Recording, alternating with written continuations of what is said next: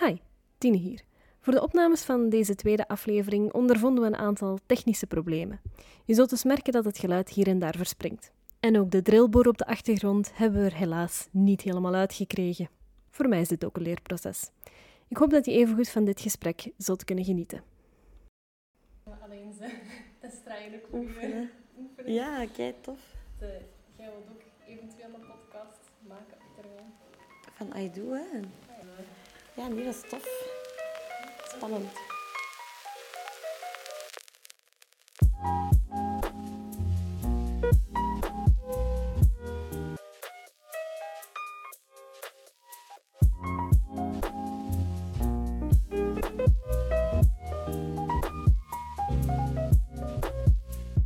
Welkom bij weer een nieuwe aflevering van De Twaalf Werken. Vandaag heb ik bij mij te gast een dame die reeds een aantal initiatieven op haar naam heeft staan.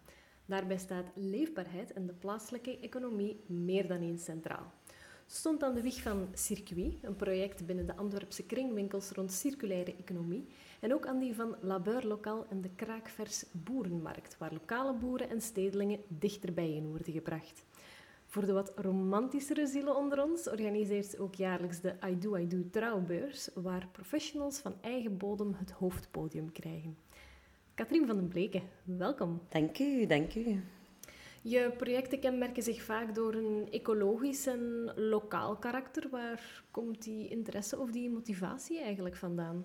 Ja, dat klopt. Ehm, eigenlijk komt de interesse en de motivatie vooral, denk ik, uit mijn eigen levensstijl. Uh, dus ik hou zelf ehm, van, van een uh, duurzame omgeving in mijn leven. Ik hou van verse groenten en uh, ik fiets ook graag en ik rij ook niet graag met de auto. En ehm, ik hou ook van ondernemers. En eigenlijk probeer ik in al mijn events mijn eigen levensstijl een klein beetje uit te vergroten. Je woont midden in de stad. Mensen die graag een beetje groen en rust willen, krijgen al snel eens naar hun hoofd geslingerd dat ze dan maar op het platteland moeten gaan wonen. Uh, wat is jouw antwoord daarop? Ja, super herkenbaar. Um, ik twijfel ook al heel mijn leven, ga ik nu effectief op het platteland wonen en genieten van uh, de rust en het groen? En, um, of blijf ik toch in de stad die heel veel impulsen heeft en waar het leven echt wel bruist en waar heel veel mensen uh, samen zitten die toch op dezelfde golflengte ook zitten? En um, dan kies ik er toch voor om in de stad te blijven wonen, omwille van die reden, die laatste. Maar dan heb ik toch ook besloten van oké, ik woon in de stad die toch wel niet zo leefbaar is als het platteland. Maar ik probeer gewoon mijn stad dan toch zo leefbaar en zo groen mogelijk te maken. En als drijfveer kan dat wel tellen om dan, dan uh, met die events aan de slag te gaan. De lockdown heeft bij heel wat projecten en ondernemingen een hard ingeslagen. Uh, ik neem aan dat dat bij jou ook een beetje het geval is geweest. Uh, hoe is dat zoal verlopen? Ja, dat klopt. Dus de zaken waar ik rond werk, en dat is altijd ontmoeting en beleving, die zijn natuurlijk helemaal stilgevallen. Dat was nu net hetgeen dat we tijdens de lockdown niet konden doen. Dus alles is een beetje opgeschoven. Dat was een kwestie van vijf stappen vooruit, tien terug achteruit. En dat gedurende een aantal maanden. Dat is natuurlijk helemaal niet evident als je zelfstandige en ondernemer bent. Maar een ondernemer is meestal ook wel heel erg creatief. En uh, voor mijzelf zie ik daar dan weer een uitdaging in van oké, het kader is hier ver veranderd, maar hoe gaan we toch met dezelfde inhoud aan de slag? Dus als het kader dan verandert, dan verandert uh, de inhoud niet per se, maar wel uh, de manier hoe dat we het gaan invullen. Dus effectief, ik heb een aantal events moeten cancelen maar dan gaan we toch weer meer online werken, bijvoorbeeld. Um, en we kijken ook um, hoe worden de maatregelen aangepast. En dan proberen we toch ja, daar weer al uh, toch kleine events um, in op te zetten. Zijn er ook uh, positieve zaken uit dit uh, hele gebeuren voor jou voortgevloeid? Ja, ik denk het wel. En dan zeker als het gaat over um, hoe heeft mijn persoonlijk leven mijn werk dan weer beïnvloed. Um, ik denk dat de lockdown ons eigenlijk ongelooflijk veel deugd deed. Ik heb een heel toffe band met mijn kinderen. Ik had die al, maar die is gewoon nog sterker geworden.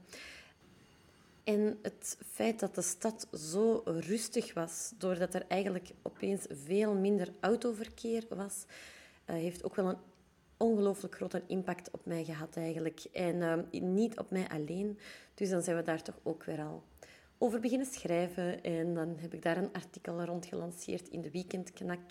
En ook een actie rond verzonnen eigenlijk. Uh, rond die leefbare stad en die autoluwe stad. Wat als we met een hele reeks burgers de stad autoluwer willen... Um, hoe gaan we dan aan de slag en hoe gaan we dat politiek proberen duidelijk te maken? Kun je iets meer over dat, de, over dat project vertellen? Ja, dus het, het, uh, de actie, want het is eigenlijk geen event, het is een actie geweest tijdens corona, heette Laat ons een bloem. Uh, waarbij dat ik eigenlijk um, alle voordelen van de autoluwe stad op een rijtje heb kunnen zetten. En dat blijken er echt wel heel erg veel. Dus um, stel dat we de, het autoverkeer, dat we de doorstroom nog maar voor de helft zouden kunnen verminderen, dan zou dat eigenlijk een gigantische impact hebben op de stadsbewoner en op onze omgeving. Um, zowel richting kleine stadstuintjes voor de huizen, als ontmoeting met de buren, als speelplekken voor de kinderen.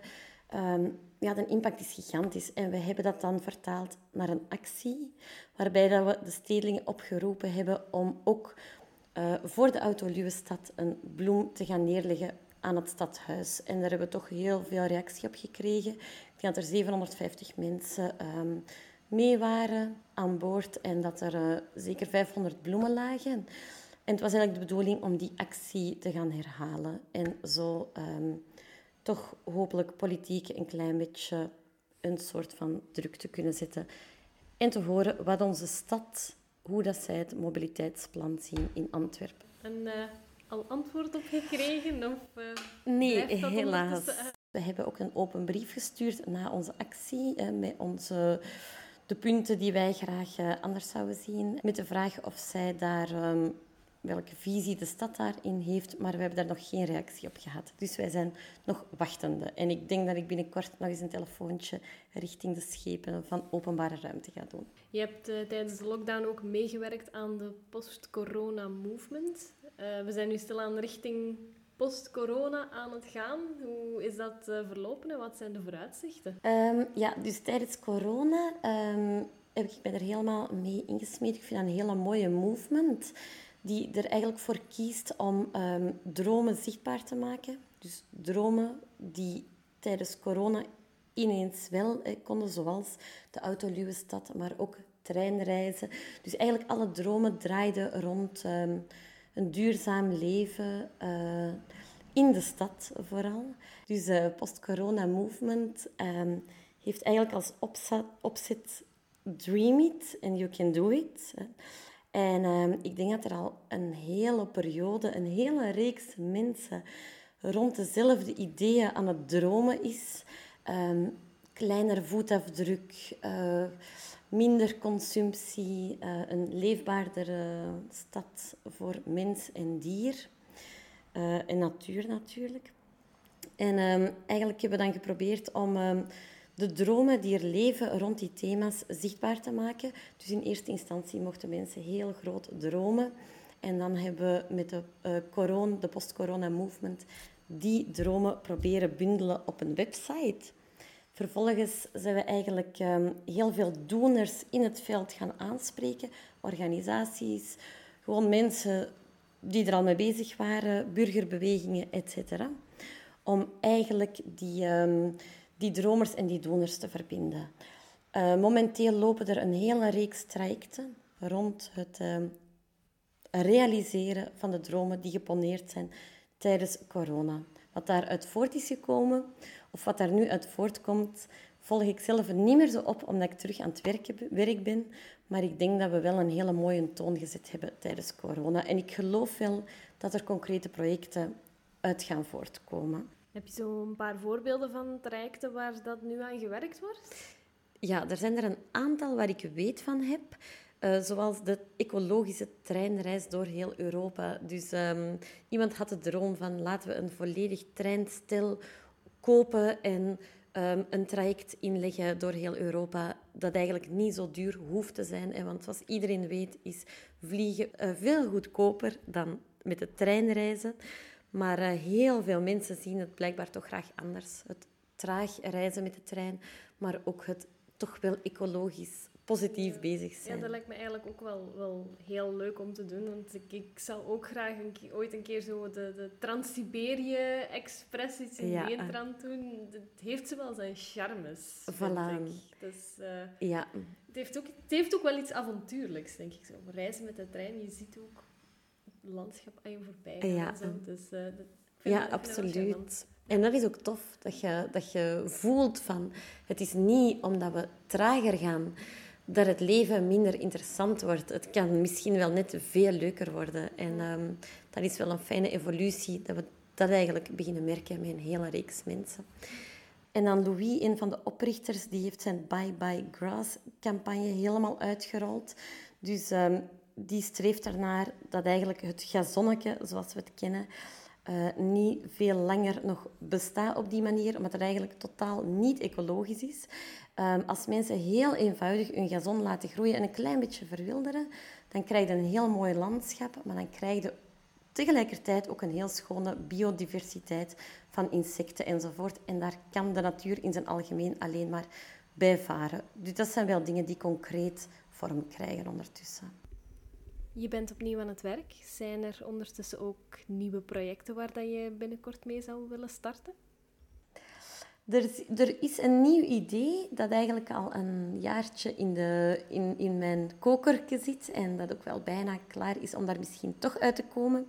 En dat draait rond eh, reizen in eigen land.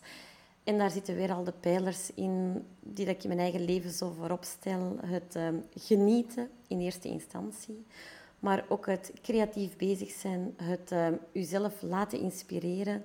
Het, ehm, je hoeft niet heel ver weg te gaan om toch de schoonheid eh, in je omgeving te ontdekken. Dus ehm, ja, daar, daar zit wel een thema dat ehm, binnenkort wel aangeboord kan worden. Dat kan in de vorm van een beurs weer al zijn of in de vorm van een klein reisbureau of zelfs een online gegeven.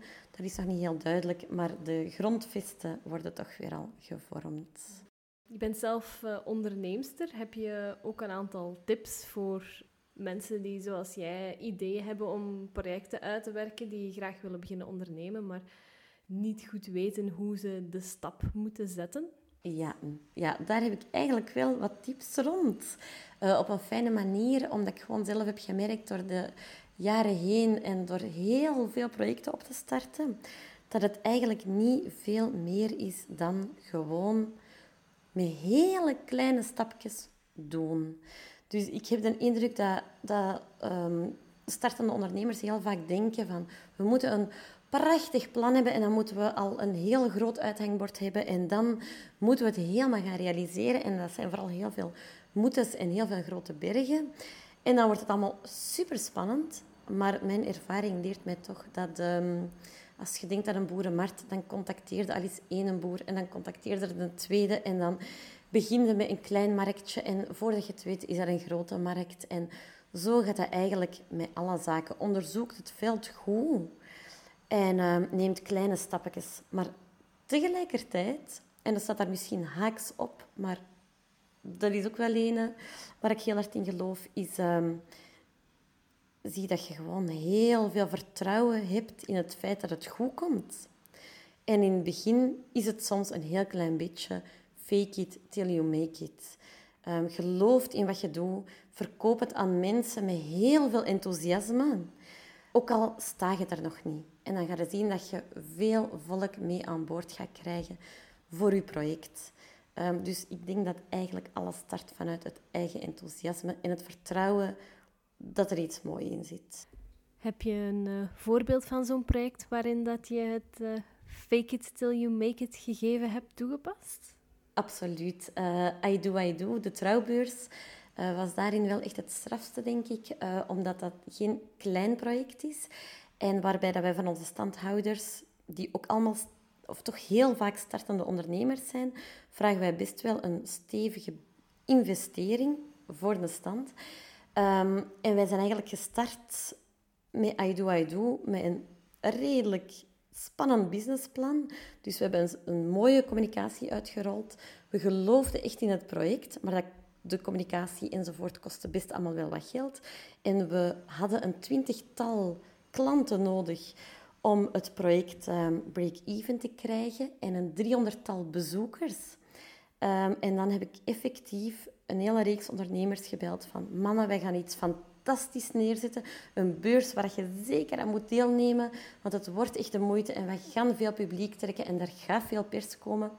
Maar natuurlijk was er geen enkele garantie dat dat effectief zo ging zijn. Maar ik denk dat je daar gewoon heel hard in geloofd hebt en daar heel hard voor gegaan bent. En het bleek dan ook. De eerste pers bleef niet heel lang uit. En we hadden ineens 700 bezoekers op onze eerste editie in plaats van de gehoopte 300. Dus het was een gigantisch succes. En ik denk dat dat komt door het vertrouwen dat we erin hadden en het enthousiasme. Dus voilà, eind goed, al goed voor I Do, I Do. I Do, I Do bestaat ondertussen vijf jaar. Je hebt nu met eh, de lockdown wel een beurs moeten afzeggen. Hoe is dat verder geëvolueerd in die tijd? Um, ondertussen voelen we dat de ondernemers allemaal toch goesting hebben om terug te starten. Dus dat vind ik een fantastische evolutie om te zien. Dat iedereen zegt, oké, die economie, we laten ze terug draaien. Ook al weten we nog niet heel goed hoe dat er getrouwd gaat kunnen worden binnen dit en een half jaar of zelfs binnen een jaar. Toch zegt iedereen, we gaan er terug voor. En dat vind ik ongelooflijk. Dat had ik zelf niet verwacht. Dus ik voel dat die nieuwe inschrijvingen ook binnenkomen. En toen dat we een drietal maanden geleden alles on hold hebben moeten zetten en de duidelijk gezien hebben dat, dat we de helft van onze jaarinkomsten kwijt waren, was het wel heel erg spannend. Maar ja, we zijn, we, we zijn blijven gaan en we hebben, we hebben kleinere kosten en we keren onszelf dan iets minder loon uit. Maar we staan er nog en ehm, ik heb de indruk en weer al het vertrouwen dat het toch nipt, maar goed komt. Is dat bij de andere projecten ook het geval? Wat zijn daar de vooruitzichten? Ja, onze kraakversmarkt was sowieso inactief omdat we merkten dat er eigenlijk op dit moment een gigantisch aanbod is van lokale producten. En dat de markt zichzelf uh, overbodig gemaakt had. Maar daar kunnen wij eigenlijk alleen maar blij om zijn. Dus dan denk ik ook, oké, onze in de afgelopen vier jaar van boerenmarkt organiseren, is het, is het landschap van farm to table ook zo veranderd in de stad dat er eigenlijk heel veel aanbod is. En dat is alleen maar positief. Dus als wij nu een markt hadden gehad, was dat sowieso heel erg moeilijk geweest, omdat de markten niet hebben kunnen doorgaan. Maar het is niet zo. We hadden geen markt, dus ik kan er weinig van zeggen. Dat is dan toch positief, dat een project dat je ooit zelf hebt opgestart, uiteindelijk toch een beweging op gang heeft gezet, hè? Ja, absoluut. Dus in dat opzicht um, vind ik het ook leuk om um, altijd bezig zijn met, met heel relevante ondernemingen. En als die zichzelf dan overbodig blijken te maken, dan, dan kunnen we daar alleen maar blij om zijn. Want dat wil het zeggen dat het goed gaat met onze stad en de leefbaarheid. Uh, waar haal je zo wat je belangrijkste inspiratie uit voor je projecten? Mijn projecten, dus de oorsprong van mijn projecten komt eigenlijk um, heel vaak gebeuren de dingen toevallig, maar dan ook weer juist niet toevallig. Dus ik heb heel veel straffe mensen rondom mij die grote passies hebben. Zoals um, uh, Nathalie Schrouwen, waar ik Botaniekfestival mee gedaan heb. Dat is een herboriste. En die um, doet dan wildpluk en die heeft een fantastische levensstijl die helemaal aansluit bij die van mij. En die zegt dan, zeg Katrien, zouden wij eens niet uh, samen een plantenmarkt organiseren? En Voordat je het weet, is het plantenmarktidee uitgegroeid tot laten we er workshops bij doen en laten we eens gaan babbelen met de single in Antwerpen. En worden wij daar enthousiast onthaald. En ineens heb je ook wel een fantastisch festival vormgegeven. En zo zijn er eigenlijk een aantal dingen op mijn pad gekomen, die dat dan um, altijd beginnen vanuit mijn eigen vrienden en mijn eigen vriendenkring eigenlijk. Altijd rond diezelfde duurzame thema's gelijk de retrofietsenmarkt was eigenlijk ook een grote toevalstreffer. Een vriend van mij organiseerde al een aantal jaar op het Koningplein een rommelmarkt. En die vroeg, Katrien, wilde jij die eens niet mee organiseren? En dan dacht ik, oké, maar er zijn al zoveel rommelmarkten. Waarom doen we eens geen rommelmarkt met een thema? en fiets vond ik dat wel een toffe. En dat was de opkomst van alle retrofietsjes. En dan hebben we eigenlijk een retrofietsenmarkt georganiseerd en heel veel mensen aangeschreven via Facebook van wie heeft er fietsjes in zijn kelder liggen en sleutelt heel graag, komt op onze markt staan. En voordat we het wisten, waren wij de grootste retrofietsenmarkt outdoor van de Benelux. Wat dan toch ook weer wel heel grappig is. En ondertussen zijn we vier jaar verder en werkt het nog altijd en krijgen we alleen maar standhouders en fietsen bij. Dus jaarlijks hebben wij dan een fantastisch retrofietsfeest, om het zo te zeggen, met um, ehm, 2000 fietsen en plaatjes dat we draaien. En, um, dus ja, de zaken lopen soms ook een beetje toevallig. En dan ook weer niet. Je ja, bent onderneemster, je bent bezig met heel erg veel verschillende projecten. Zijn er momenten geweest dat je het eigenlijk gewoon uh, wou opgeven, dat je ermee wou stoppen en terug een gewone dagdagelijkse job uh, wou gaan doen? Of uh, heb je dat gevoel nooit gehad? Ja, dat is een hele goede vraag. Op een gegeven moment, toen ik circuit uit de grond gestampt heb, dan dacht ik wel, hoeveel concepten kunnen wel bedenken eigenlijk? En het is altijd hetzelfde stappenplan van de juiste communicatie, een netwerk rond een bepaald project starten, um, bruggen bouwen, effectief iets neerzetten, een event daar rond. En op een gegeven moment had ik het er effectief helemaal mee gehad. Met altijd hetzelfde stappenplan. En um, ja, was het voor mijzelf ook niet meer geloofwaardig. Dat ik dacht, ja, is het niet... Ja, dus op een gegeven moment werd het voor mijzelf werd het voor mijzelf minder relevant. En dan dacht ik, vanaf nu wil ik gewoon heel simpel groenten gaan verkopen aan mensen. Dus eigenlijk gewoon een courgette uit een tuin oogsten en dat dan verkopen aan de mensen. En ik miste de eenvoud van de dingen. Het werden allemaal concepten en, en het voelde niet meer zo, um, zo goed. Dus effectief, uh, ik ben dan natuurlijk in de groentewinkel al gaan werken en ik... Uh, bak nu taarten en ik maak bagels en ik zet koffie en ik geniet daar ongelooflijk hard van.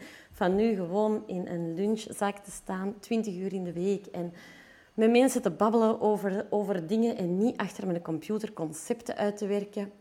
Maar tegelijkertijd voel ik dan weer kriebels rond bepaalde thema's en denk ik, ik doe dat ook wel graag. En ik, uh, ik wil mij terug smijten in het nieuwe thema van het reizen. Dus ik denk dat het ook wel een beetje in mijn natuur ligt om rond thema's mensen te gaan verzamelen en een publiek te zoeken en, um, en mooie verhalen te schrijven. En uh, het maakt me dan toch echt gelukkig als die verhalen geschreven worden en in de wereld landen. Dus ik denk dat de combinatie van het heel erg echte en het toch een beetje aan de computer werken en um, dingen verhalen schrijven daar rond, dat dat eigenlijk wel een mooie combinatie is voor mijzelf.